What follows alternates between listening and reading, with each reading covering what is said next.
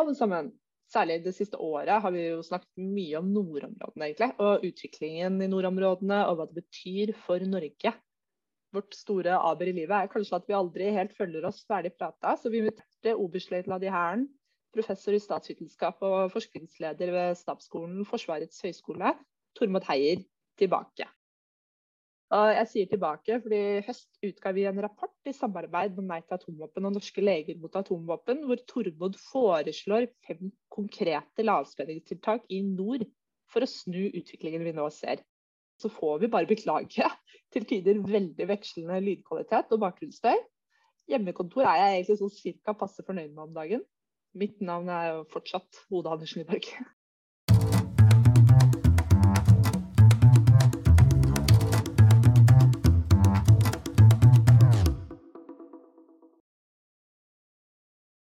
grunnen til at vi inviterte deg i dag, er jo at det er eh, mye som skjer i nordområdene nå. Det har vært en utvikling over lengre tid, og fiendebildene virker sterkere enn noen gang. Forholdet til Russland har lenge blitt beskrevet som en ny normal. En normal som innebærer en utvikling med øvelsesmønstre og militær aktivitet i nord vi ikke har sett siden den kalde krigen. Så våren 2020 snakket vi med redaktør i Barents Observer, Thomas Nilsen, episode 6 av denne podkasten, om hvordan denne økte militære aktiviteten føles på grenseboerne i Finnmark. Og kort oppsummering da var jo at uh, det preger jo alle ledd. Uh, det er en tydelig endring mellom Norge og Russland i Barentsregionen på alle nivåer. Dette var jo da for ett år siden, og det føles jo dramatisk ut bare på et år. Så spørsmålet er jo litt Stemmer det, eller leser jeg litt for mye skumle nyheter?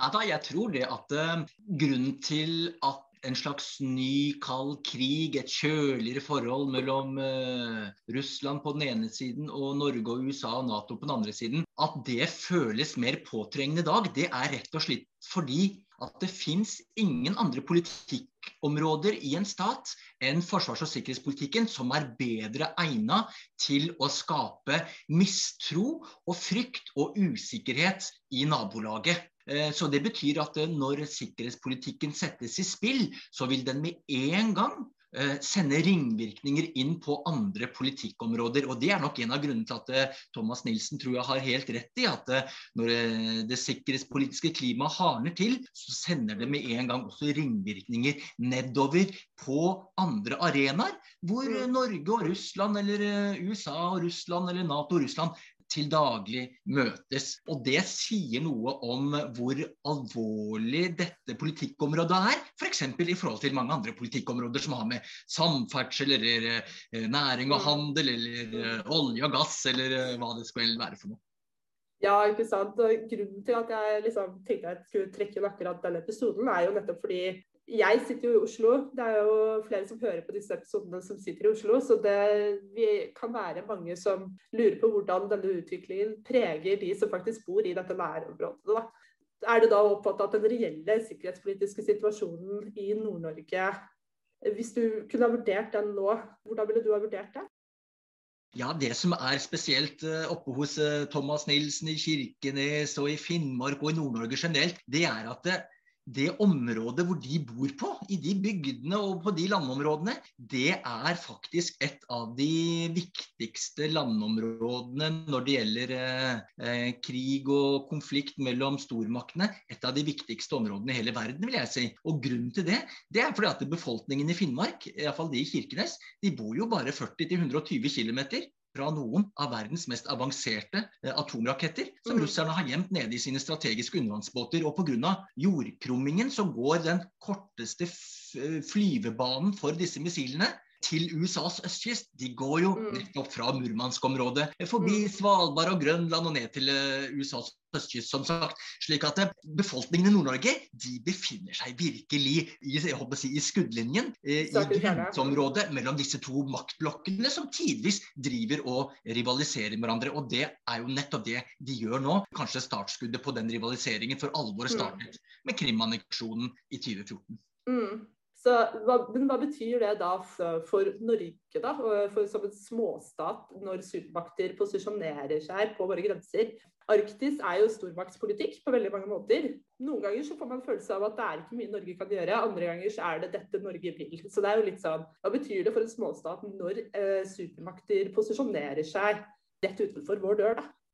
Ja, Det er et godt spørsmål, Oda. Hva betyr dette? Og jeg tror mm. det jeg har gleden av å tenke på da, det er at det betyr at Norge har to roller. På den mm. ene siden så har vi en rolle for å være en frontstat i Nato. I mm. USAs fremskutte forsvar av de frie, liberale demokratiene i Europa.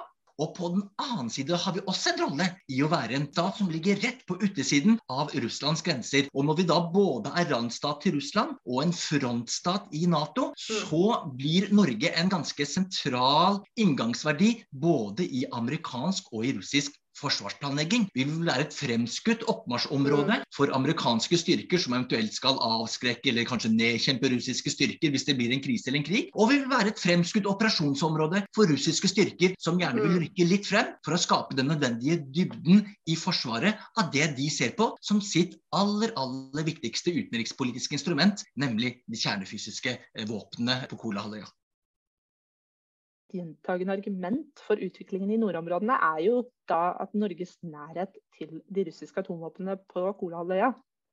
Så et direkte spørsmål er egentlig hva betyr det for Norge at Russland har atomvåpen på Kolahalvøya? For det, ja, det er jo en realitet. Det er nært Norge, og det er mange atomvåpen.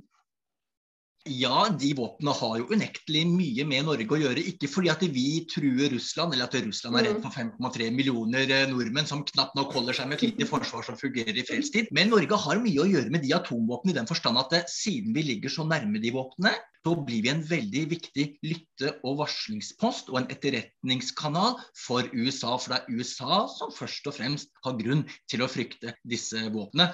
Og eh, Grunnen til at Norge er i skuddlinjen, det er dels fordi vi er en viktig lytte- og varslingspost, som sagt. Det er en etterretningskanal for amerikanerne og for Nato-Norge, slik at vi får en bedre situasjonsforståelse og kan gi oss selv et bedre beslutningsgrunnlag ved at vi er i stand til å se inn på den andre siden av grensene hva som skjer, og kanskje kan få en varsling. Men, men disse våpnene er først og fremst eh, retta mot USA for å holde USA i sjakk. Og jeg tror rett og slett at eh, Norge og norske myndigheter har en interesse av, og det er ikke så offentlig sagt, men Norge og norske myndigheter har en interesse av å opprettholde en troverdig kjernefysisk gjengjeldelsesevne i Nordflåten på russisk side av grensen. Det var, tror jeg var en av grunnene til at Norge faktisk sa nei til mm. å være med USA i det såkalte rakettskjoldet. For hvis vi ble med der, så vil vi kunne undergrave den stabiliteten som følger av at disse to supermaktene med hver sin atomvåpen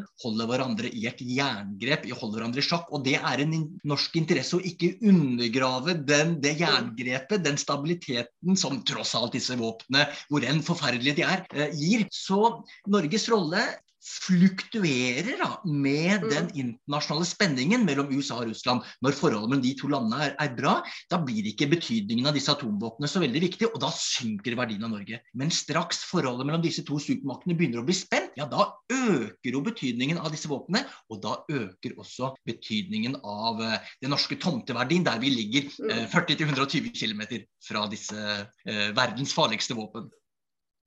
Ja, uffa meg. Herregud. Hva er på en måte mulighetsrommet for å utnytte da, eh, den spesielle situasjonen som, eller posisjonen som Norge er i, hvis vi nå da har en lengre periode bak oss hvor vi har knytta oss stadig nærmere USA, da, og kanskje går vekk fra den rollen. Politikken som har tjent Norge godt, har den den samme plassen i den verden og den, det internasjonale politiske klimaet som er i dag? Nei, det har nok ikke det, Oda. Jeg tror det at det som jo har gitt Norge et handlingsrom i hele etterkrigstiden, etter at vi valgte å forlate nøytralitetspolitikken til Russlands si, sorg i februar 1949, mm. og så ble vi medlem da i Nato i april 49. Eh, det som har tjent oss godt, det er at vi har hatt et nasjonalt forsvar som har gitt norske myndigheter et handlingsrom i den forstand at det, da hadde vi et forsvar hvor det var norske soldater som kunne være langs etter de norsk-russiske grenseområdene, og ikke amerikanske. Det beroliget russerne, og da klarte Norge på mange måter å både være en god nabo i øst, og samtidig en god alliert i vest, fordi amerikanerne kunne kunne stole på at eh, Norge liksom var Nato i nord og hadde øyne og øre på, på disse farlige våpnene. Men i dag så, så har vi ikke lenger det. Og da har vi blitt nødt til å avvike fra disse Mhm. lange linjene hvor vi har beroliget russerne ved å vise russerne at det er noen norske styrker, ikke amerikanske, som er i disse grenseområdene. Og så har vi holdt amerikanerne da på en armlengdes avstand, men gitt amerikanerne det de har ønsket av informasjon. Men eh, vi har ikke det volumet, den størrelsen på vårt nasjonale forsvar i dag, og dermed har vi heller ikke kapasitet til å ha norske styrker i disse enorme luft- Mm. og sjøområdene som jo er kjempestore. Og bare Finnmark fylke er jo 10% større enn Danmark, altså like stort som Sveits. Slik at eh, vi har blitt nødt til å avgi en del av disse oppgavene til amerikanerne. Og da blir russerne nervøse. For russerne frykter jo ikke lille Norge, men de frykter at Norge skal bli et utgangspunkt for amerikanske operasjoner inn mot eh, Kolahalvøya, hvor de viktigste styrkene til Russland ligger. Så handlingsrommet til Norge er nok dessverre eh, mye mindre enn det det var under den kalde krigen. Og det har ført til at vi tilnærmer oss og integrerer oss og tilpasser oss Nato og USA mye mer enn det vi kanskje har gjort tidligere.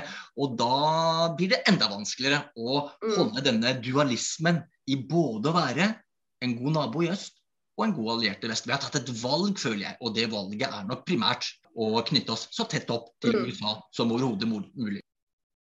Det er jo mekanismer inne for å sikre langsiktig planlegging av og forutsigbarhet for norsk forsvarspolitikk. Og det er således en bred tverrpolitisk enighet i sentrale norske utenriks- og forsvarspolitiske prioriteringer.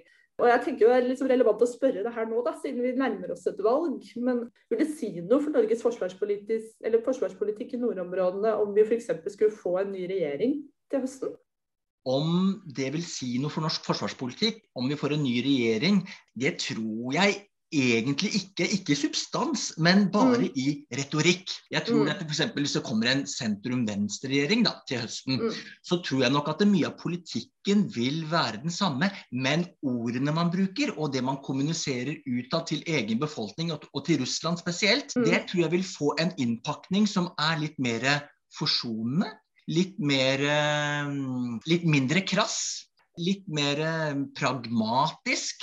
Mer forståelsesfullt eh, i forhold til å respektere russiske sikkerhetsinteresser i, i nordområdene. Men under disse ordene, under denne formen for litt mykere politisk kommunikasjon, så tror jeg fortsatt de harde realitetene vil ligge der. Og grunnen til det tror jeg for det er en ganske sterk konsensus i norsk innenrikspolitikk rundt hvordan vi skal innrette oss. Og den innretningen den går i første rekke på å ha Nato som grunnpilar i forsvaret av Norge og USA som vår viktigste allierte. Og Grunnen til det tror jeg er rett og slett fordi at de politikerne på Stortinget og i regjeringen de ønsker ikke å bruke altfor mye penger på, på Mm. forsvar i forhold til andre samfunnsviktige oppdrag. Og da sier det seg selv at da må vi outsource mer til USA og til Nato. Så selv om man da altså kommunis vil kommunisere en litt mer mildere ordlyd overfor Russland, mindre krass, så vil fremdeles eh, USA og Nato forbli vel så sterke, tenker jeg, som det vi har sett under Solberg-regjeringen som startet i 2013. Og den du hører her, det er jo da hunden min, Ayla. Som også lurer på det samme som meg, heldigvis. Og det er jo da er lavspenning mulig i dagens politisk klima? Ja, det kan du si er lavspenning mulig i dag. Norge ser kanskje et større potensial for å få til en lavspenningspolitikk i nordområdene.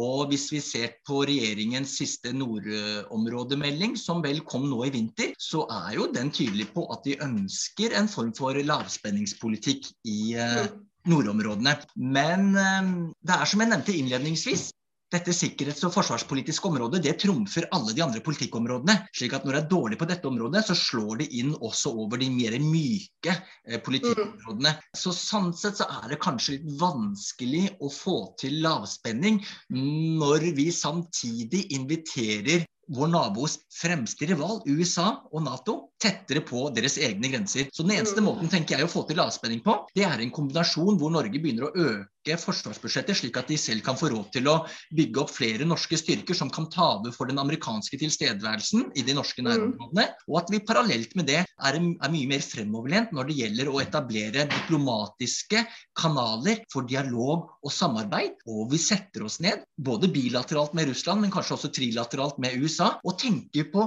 hvordan kan vi få til lavspenningsområder i disse strategisk viktige eh, Barentshavet, Norskehavet, Nord-Atlanteren, som jo er så viktig både for Russland og for USA og for Norge og Nato for øvrig. Hvordan kan vi få til et eh, lavspenningsområde med et nytt regime for det i, i dette området? Og Der bør jo Norge ha en komparativ fortrinn i forhold til veldig mange andre Nato-allierte, fordi vi har så lange tradisjoner i å ha et sivilisert forhold med dette verdens største land i øst, som nå USA og Storbritannia ser på som en trussel. Takk, det var jo et veldig godt svar. Jeg syns eh, vi klarer å komme innom veldig mye nå. Jeg prøver å henge med på alle svingene. Men hvis du kunne ta din militære eller forsvarsbakgrunn og din akademiske bakgrunn, er vi inne i en ny kald krig? Ja, jeg syns det er mye som minner om en uh, ny kald krig. Mm.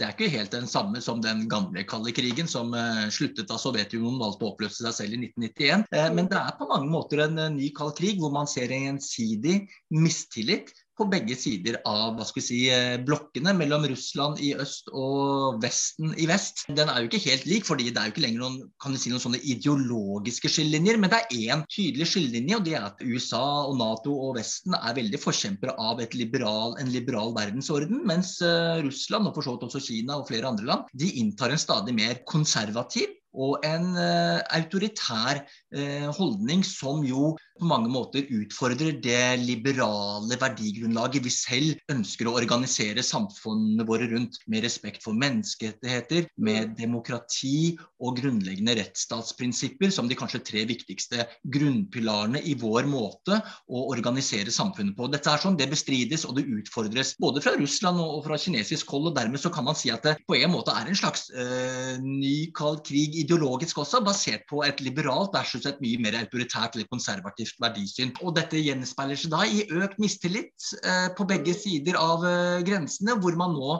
eh, særlig stormaktene, har begynt å kalle hverandre altså for trusler og for fiender, og hvor man ser en mye mer intensivert fiendtlig aktivitet mot hverandre. Den kommer ikke til uttrykk i form av åpenlys militær konfrontasjon, men gjennom mer etterretningsvirksomhet, ondartet cybervirksomhet, mm. Eh, informasjonsoperasjoner, påvirkningsoperasjoner, cyberangrep, som har til hensikt å få motpartens interne politiske stabilitet til å smuldre opp.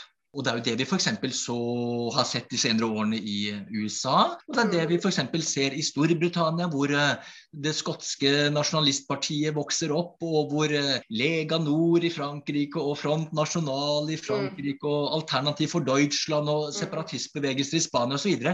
får funding eh, fra russerne, fordi de har en egeninteresse av å prøve å angripe det som på mange måter er demokratienes mm. mest sårbare punkt, nemlig den tillitsbaserte samfunnskontrakten mellom borger og stat. Det er den som kanskje først og fremst er under press, ikke det som er mest øyensynlig, nemlig disse militære styrkene. Det er noe mye mer alvorlig, subtilt og vanskelig å forsvare seg mot, nemlig angrepet på samfunnskontrakten. Stabiliteten i små liberale demokratier. Mm. Jeg skal si det at parkett og hund går ikke alltid like godt sammen. Hva, hva vil det da si for innbyggerne i nord om de ikke føler seg informert og i en ytterst konsekvens da, ikke forstår norsk forsvarspolitikk potensielt. Og det jeg egentlig sikter til da, eller et godt eksempel kan man vel si, er jo at det var et intervju i forbindelse med den nye ubåtbasen i Tromsø. Og da var det jo en dame som bli, som har blitt nå da, en nær nabo til denne basen. Hun sa at det har man ikke informasjon, så lager man sin egen informasjon. Ja, det tenker jeg at det er eh, noe som gir inntrykk av at forsvars- og sikkerhetspolitikk i Norge det er i ferd med å bli en demokratisk blindsone, som vi kanskje mm. kaller det. Og det er et veldig godt eksempel det du bruker med dette intervjuet fra Tromsø, hvor denne damen sa at da har man ikke informasjon, så lager man sin egen informasjon. Mm. Det tyder nok på at forsvars- og sikkerhetspolitikken er ikke noe som norske myndigheter tradisjonelt ønsker å være så åpne om. og Det har også Riksrevisjonen eh, påpekt i en rapport fra 2017, mm. hvor de ser at det er en tendens til uformell saksbehandling, særlig i Forsvarsdepartementet, men også i Utenriksdepartementet og i Justis- og beredskapsdepartementet. Og Det gjør at Eh, dette politikkområdet blir ikke helt som andre politikkområder. Det blir eh, da lettere utsatt for konspirasjonsteorier, rykter, feilinformasjon, som norske myndigheter ville hatt mye mer å tjene på. En større grad av åpenhet, slik at de får mulighet til å forankre dette politikkområdet tryggere og bredere ned i den befolkningen og det samfunnet de tross alt er satt til å tjene. Så når ikke det skjer, så er vel, og man ser heller en tendens hvor mer og mer av beslutningene fattes bak lukkede dører i Stortingets utenriks- og forsvarskomité, så ser man vel en tendens hvor eh, forankringen på dette politikkområdet står svakere. og Da blir også norske myndigheter mer sårbare når det gjelder å bli utsatt for press, både fra Russland og for, fra USA, når det gjelder eventuelle endringer i, eh, i, politikken. Så jeg tror nok det at norske myndigheter ikke ønsker så mye debatt rundt dette her sånn, fordi de er redd for at eh, det skal bli oppfattet som tegn på endringer i politikken, eh, fordi Moskva og Washington sitter jo på hver sin side og følger med på eventuelle endringer i debattklimaet i Norge, for å mm. se om det eventuelt kommer noen endringer. Og Skulle f.eks. russerne se at det, norske myndigheter er på glid i forhold til å kanskje begynne å ha, innta en strengere praktisering av basepolitikken med amerikanere i Norge f.eks., så kan norske myndigheter risikere å bli utsatt for mer press for å øke bevegelsene i den ønskede retningen. Mens eh, USA på sin side, hvis de ser en endring i den norske politikken, så vil de også øve mer press. Så kanskje er det dette norske myndigheter litt ønsker å å unngå. Men som sagt, da blir det lett et legitimitetsproblem. For dette er jo til syvende og sist spørsmål som angår din og min sikkerhet. Hva er den militærstrategiske nytteverdien av å isolere et land, da? hvis man kan påstå at det kanskje er det som skjer med Russland, at det i større grad blir isolert fra Eh, fra i hvert fall Vesten, eh, og jo, som vi også da ser eh, andre eksempler på rundt om i verden. Mm. Ja, Det er et godt spørsmål. Hva er poenget med å prøve å sette med vestlige øyne? da? Prøve å isolere verdens største land, Russland, som jo tross alt dekker en sjettedel av verdens jordoverflate. Hvorfor ønsker vi å isolere de militært? Og Grunnen til det tror jeg, det er fordi at Russland nå gradvis har utviklet en ny generasjon med langtrekkende missiler. De kan gå kanskje 2000-2500 km, og de kan bare bære både kjernefysiske stridsladninger, men også konvensjonelle stridshoder. Og disse er plassert ned i undervannsbåter. Og hvis de kommer for langt ut i Atlanterhavet og for langt ut i Middelhavet, så vil de kunne true enhver europeisk og for så vidt også amerikansk storby hver gang det oppstår en krise hvor russiske myndigheter opplever at de settes under press. Så det som foregår ute i Norskehavet og i Middelhavet og i Svartehavet, det er en vedvarende eh, skyggekrig mellom eh, amerikanske og mm. russiske styrker, som går, og for så vidt også norske etterretningskapasiteter, for hele mm. tiden å prøve å ha kontroll på hvor er det de russiske undervannsbåtene befinner seg. For det er de som er de vanskeligste å oppdage, og som kanskje sett med russiske øyne er de viktigste våpnene de kan bruke eh, for å eh, ha en noenlunde troverdig gjengjeldelseskapasitet og et noenlunde troverdig militærapparat hvis de skulle ha behov for å beskytte seg selv, slik de ser det. Mm. Jeg vil gjerne tillate meg selv å spørre hvordan det har vært for deg med din bakgrunn fra Forsvaret være en stemme i disse debattene? Fordi man kan jo få inntrykk av at du står ganske alene til tider. Ja, jeg, eh, Forsvaret liker jo å si utad at det er høy takhøyde. Men jeg mm. opplever egentlig ikke helt det, altså. Jeg er litt overrasket selv over hvor uh, enslig jeg står med hvor lite støtte jeg får mm. fra egne kolleger i Forsvaret rundt disse spørsmålene det, nå er jo jeg for så vidt trent og utdannet for å føre krig da, og tåle de ekstreme fysiske og psykiske belastningene det er. Så det å stå litt i media en gang iblant uh, og få kritikk, det syns jeg at uh, ikke gjør meg så veldig mye. Men det hadde jo vært hyggelig om eh, flere var med i debatten. Om man fikk et litt større meningsmangfold enn bare meg på den ene siden, og kanskje noen sånn litt imellom, og de aller fleste på den andre siden. Det syns jeg nok er litt uh, rart, og jeg tror Forsvaret som uh, organisasjon ville tjent mye mer på når vi snakker om legitimitet ute i samfunnet, og kunne vise befolkningen at her har vi et stort mangfold av uh, forskere og meningsbærere som har ulike oppfatninger. Og det er jo den brytningen der som på mange måter skaper den dynamikken som gjør at vi bryner oss frem til ny type kunnskap som gjør at vi kan ta enda klokere beslutninger ved neste vei, veivalg. Så uh, det, jeg føler meg tidvis litt, tidvis litt uh, ensom, det skal jeg ikke mm. legge skjul på. Men da er det ekstra godt å vite at forsvarssjefen, om ikke annet, han gir meg full støtte. Ja, det er veldig, veldig bra.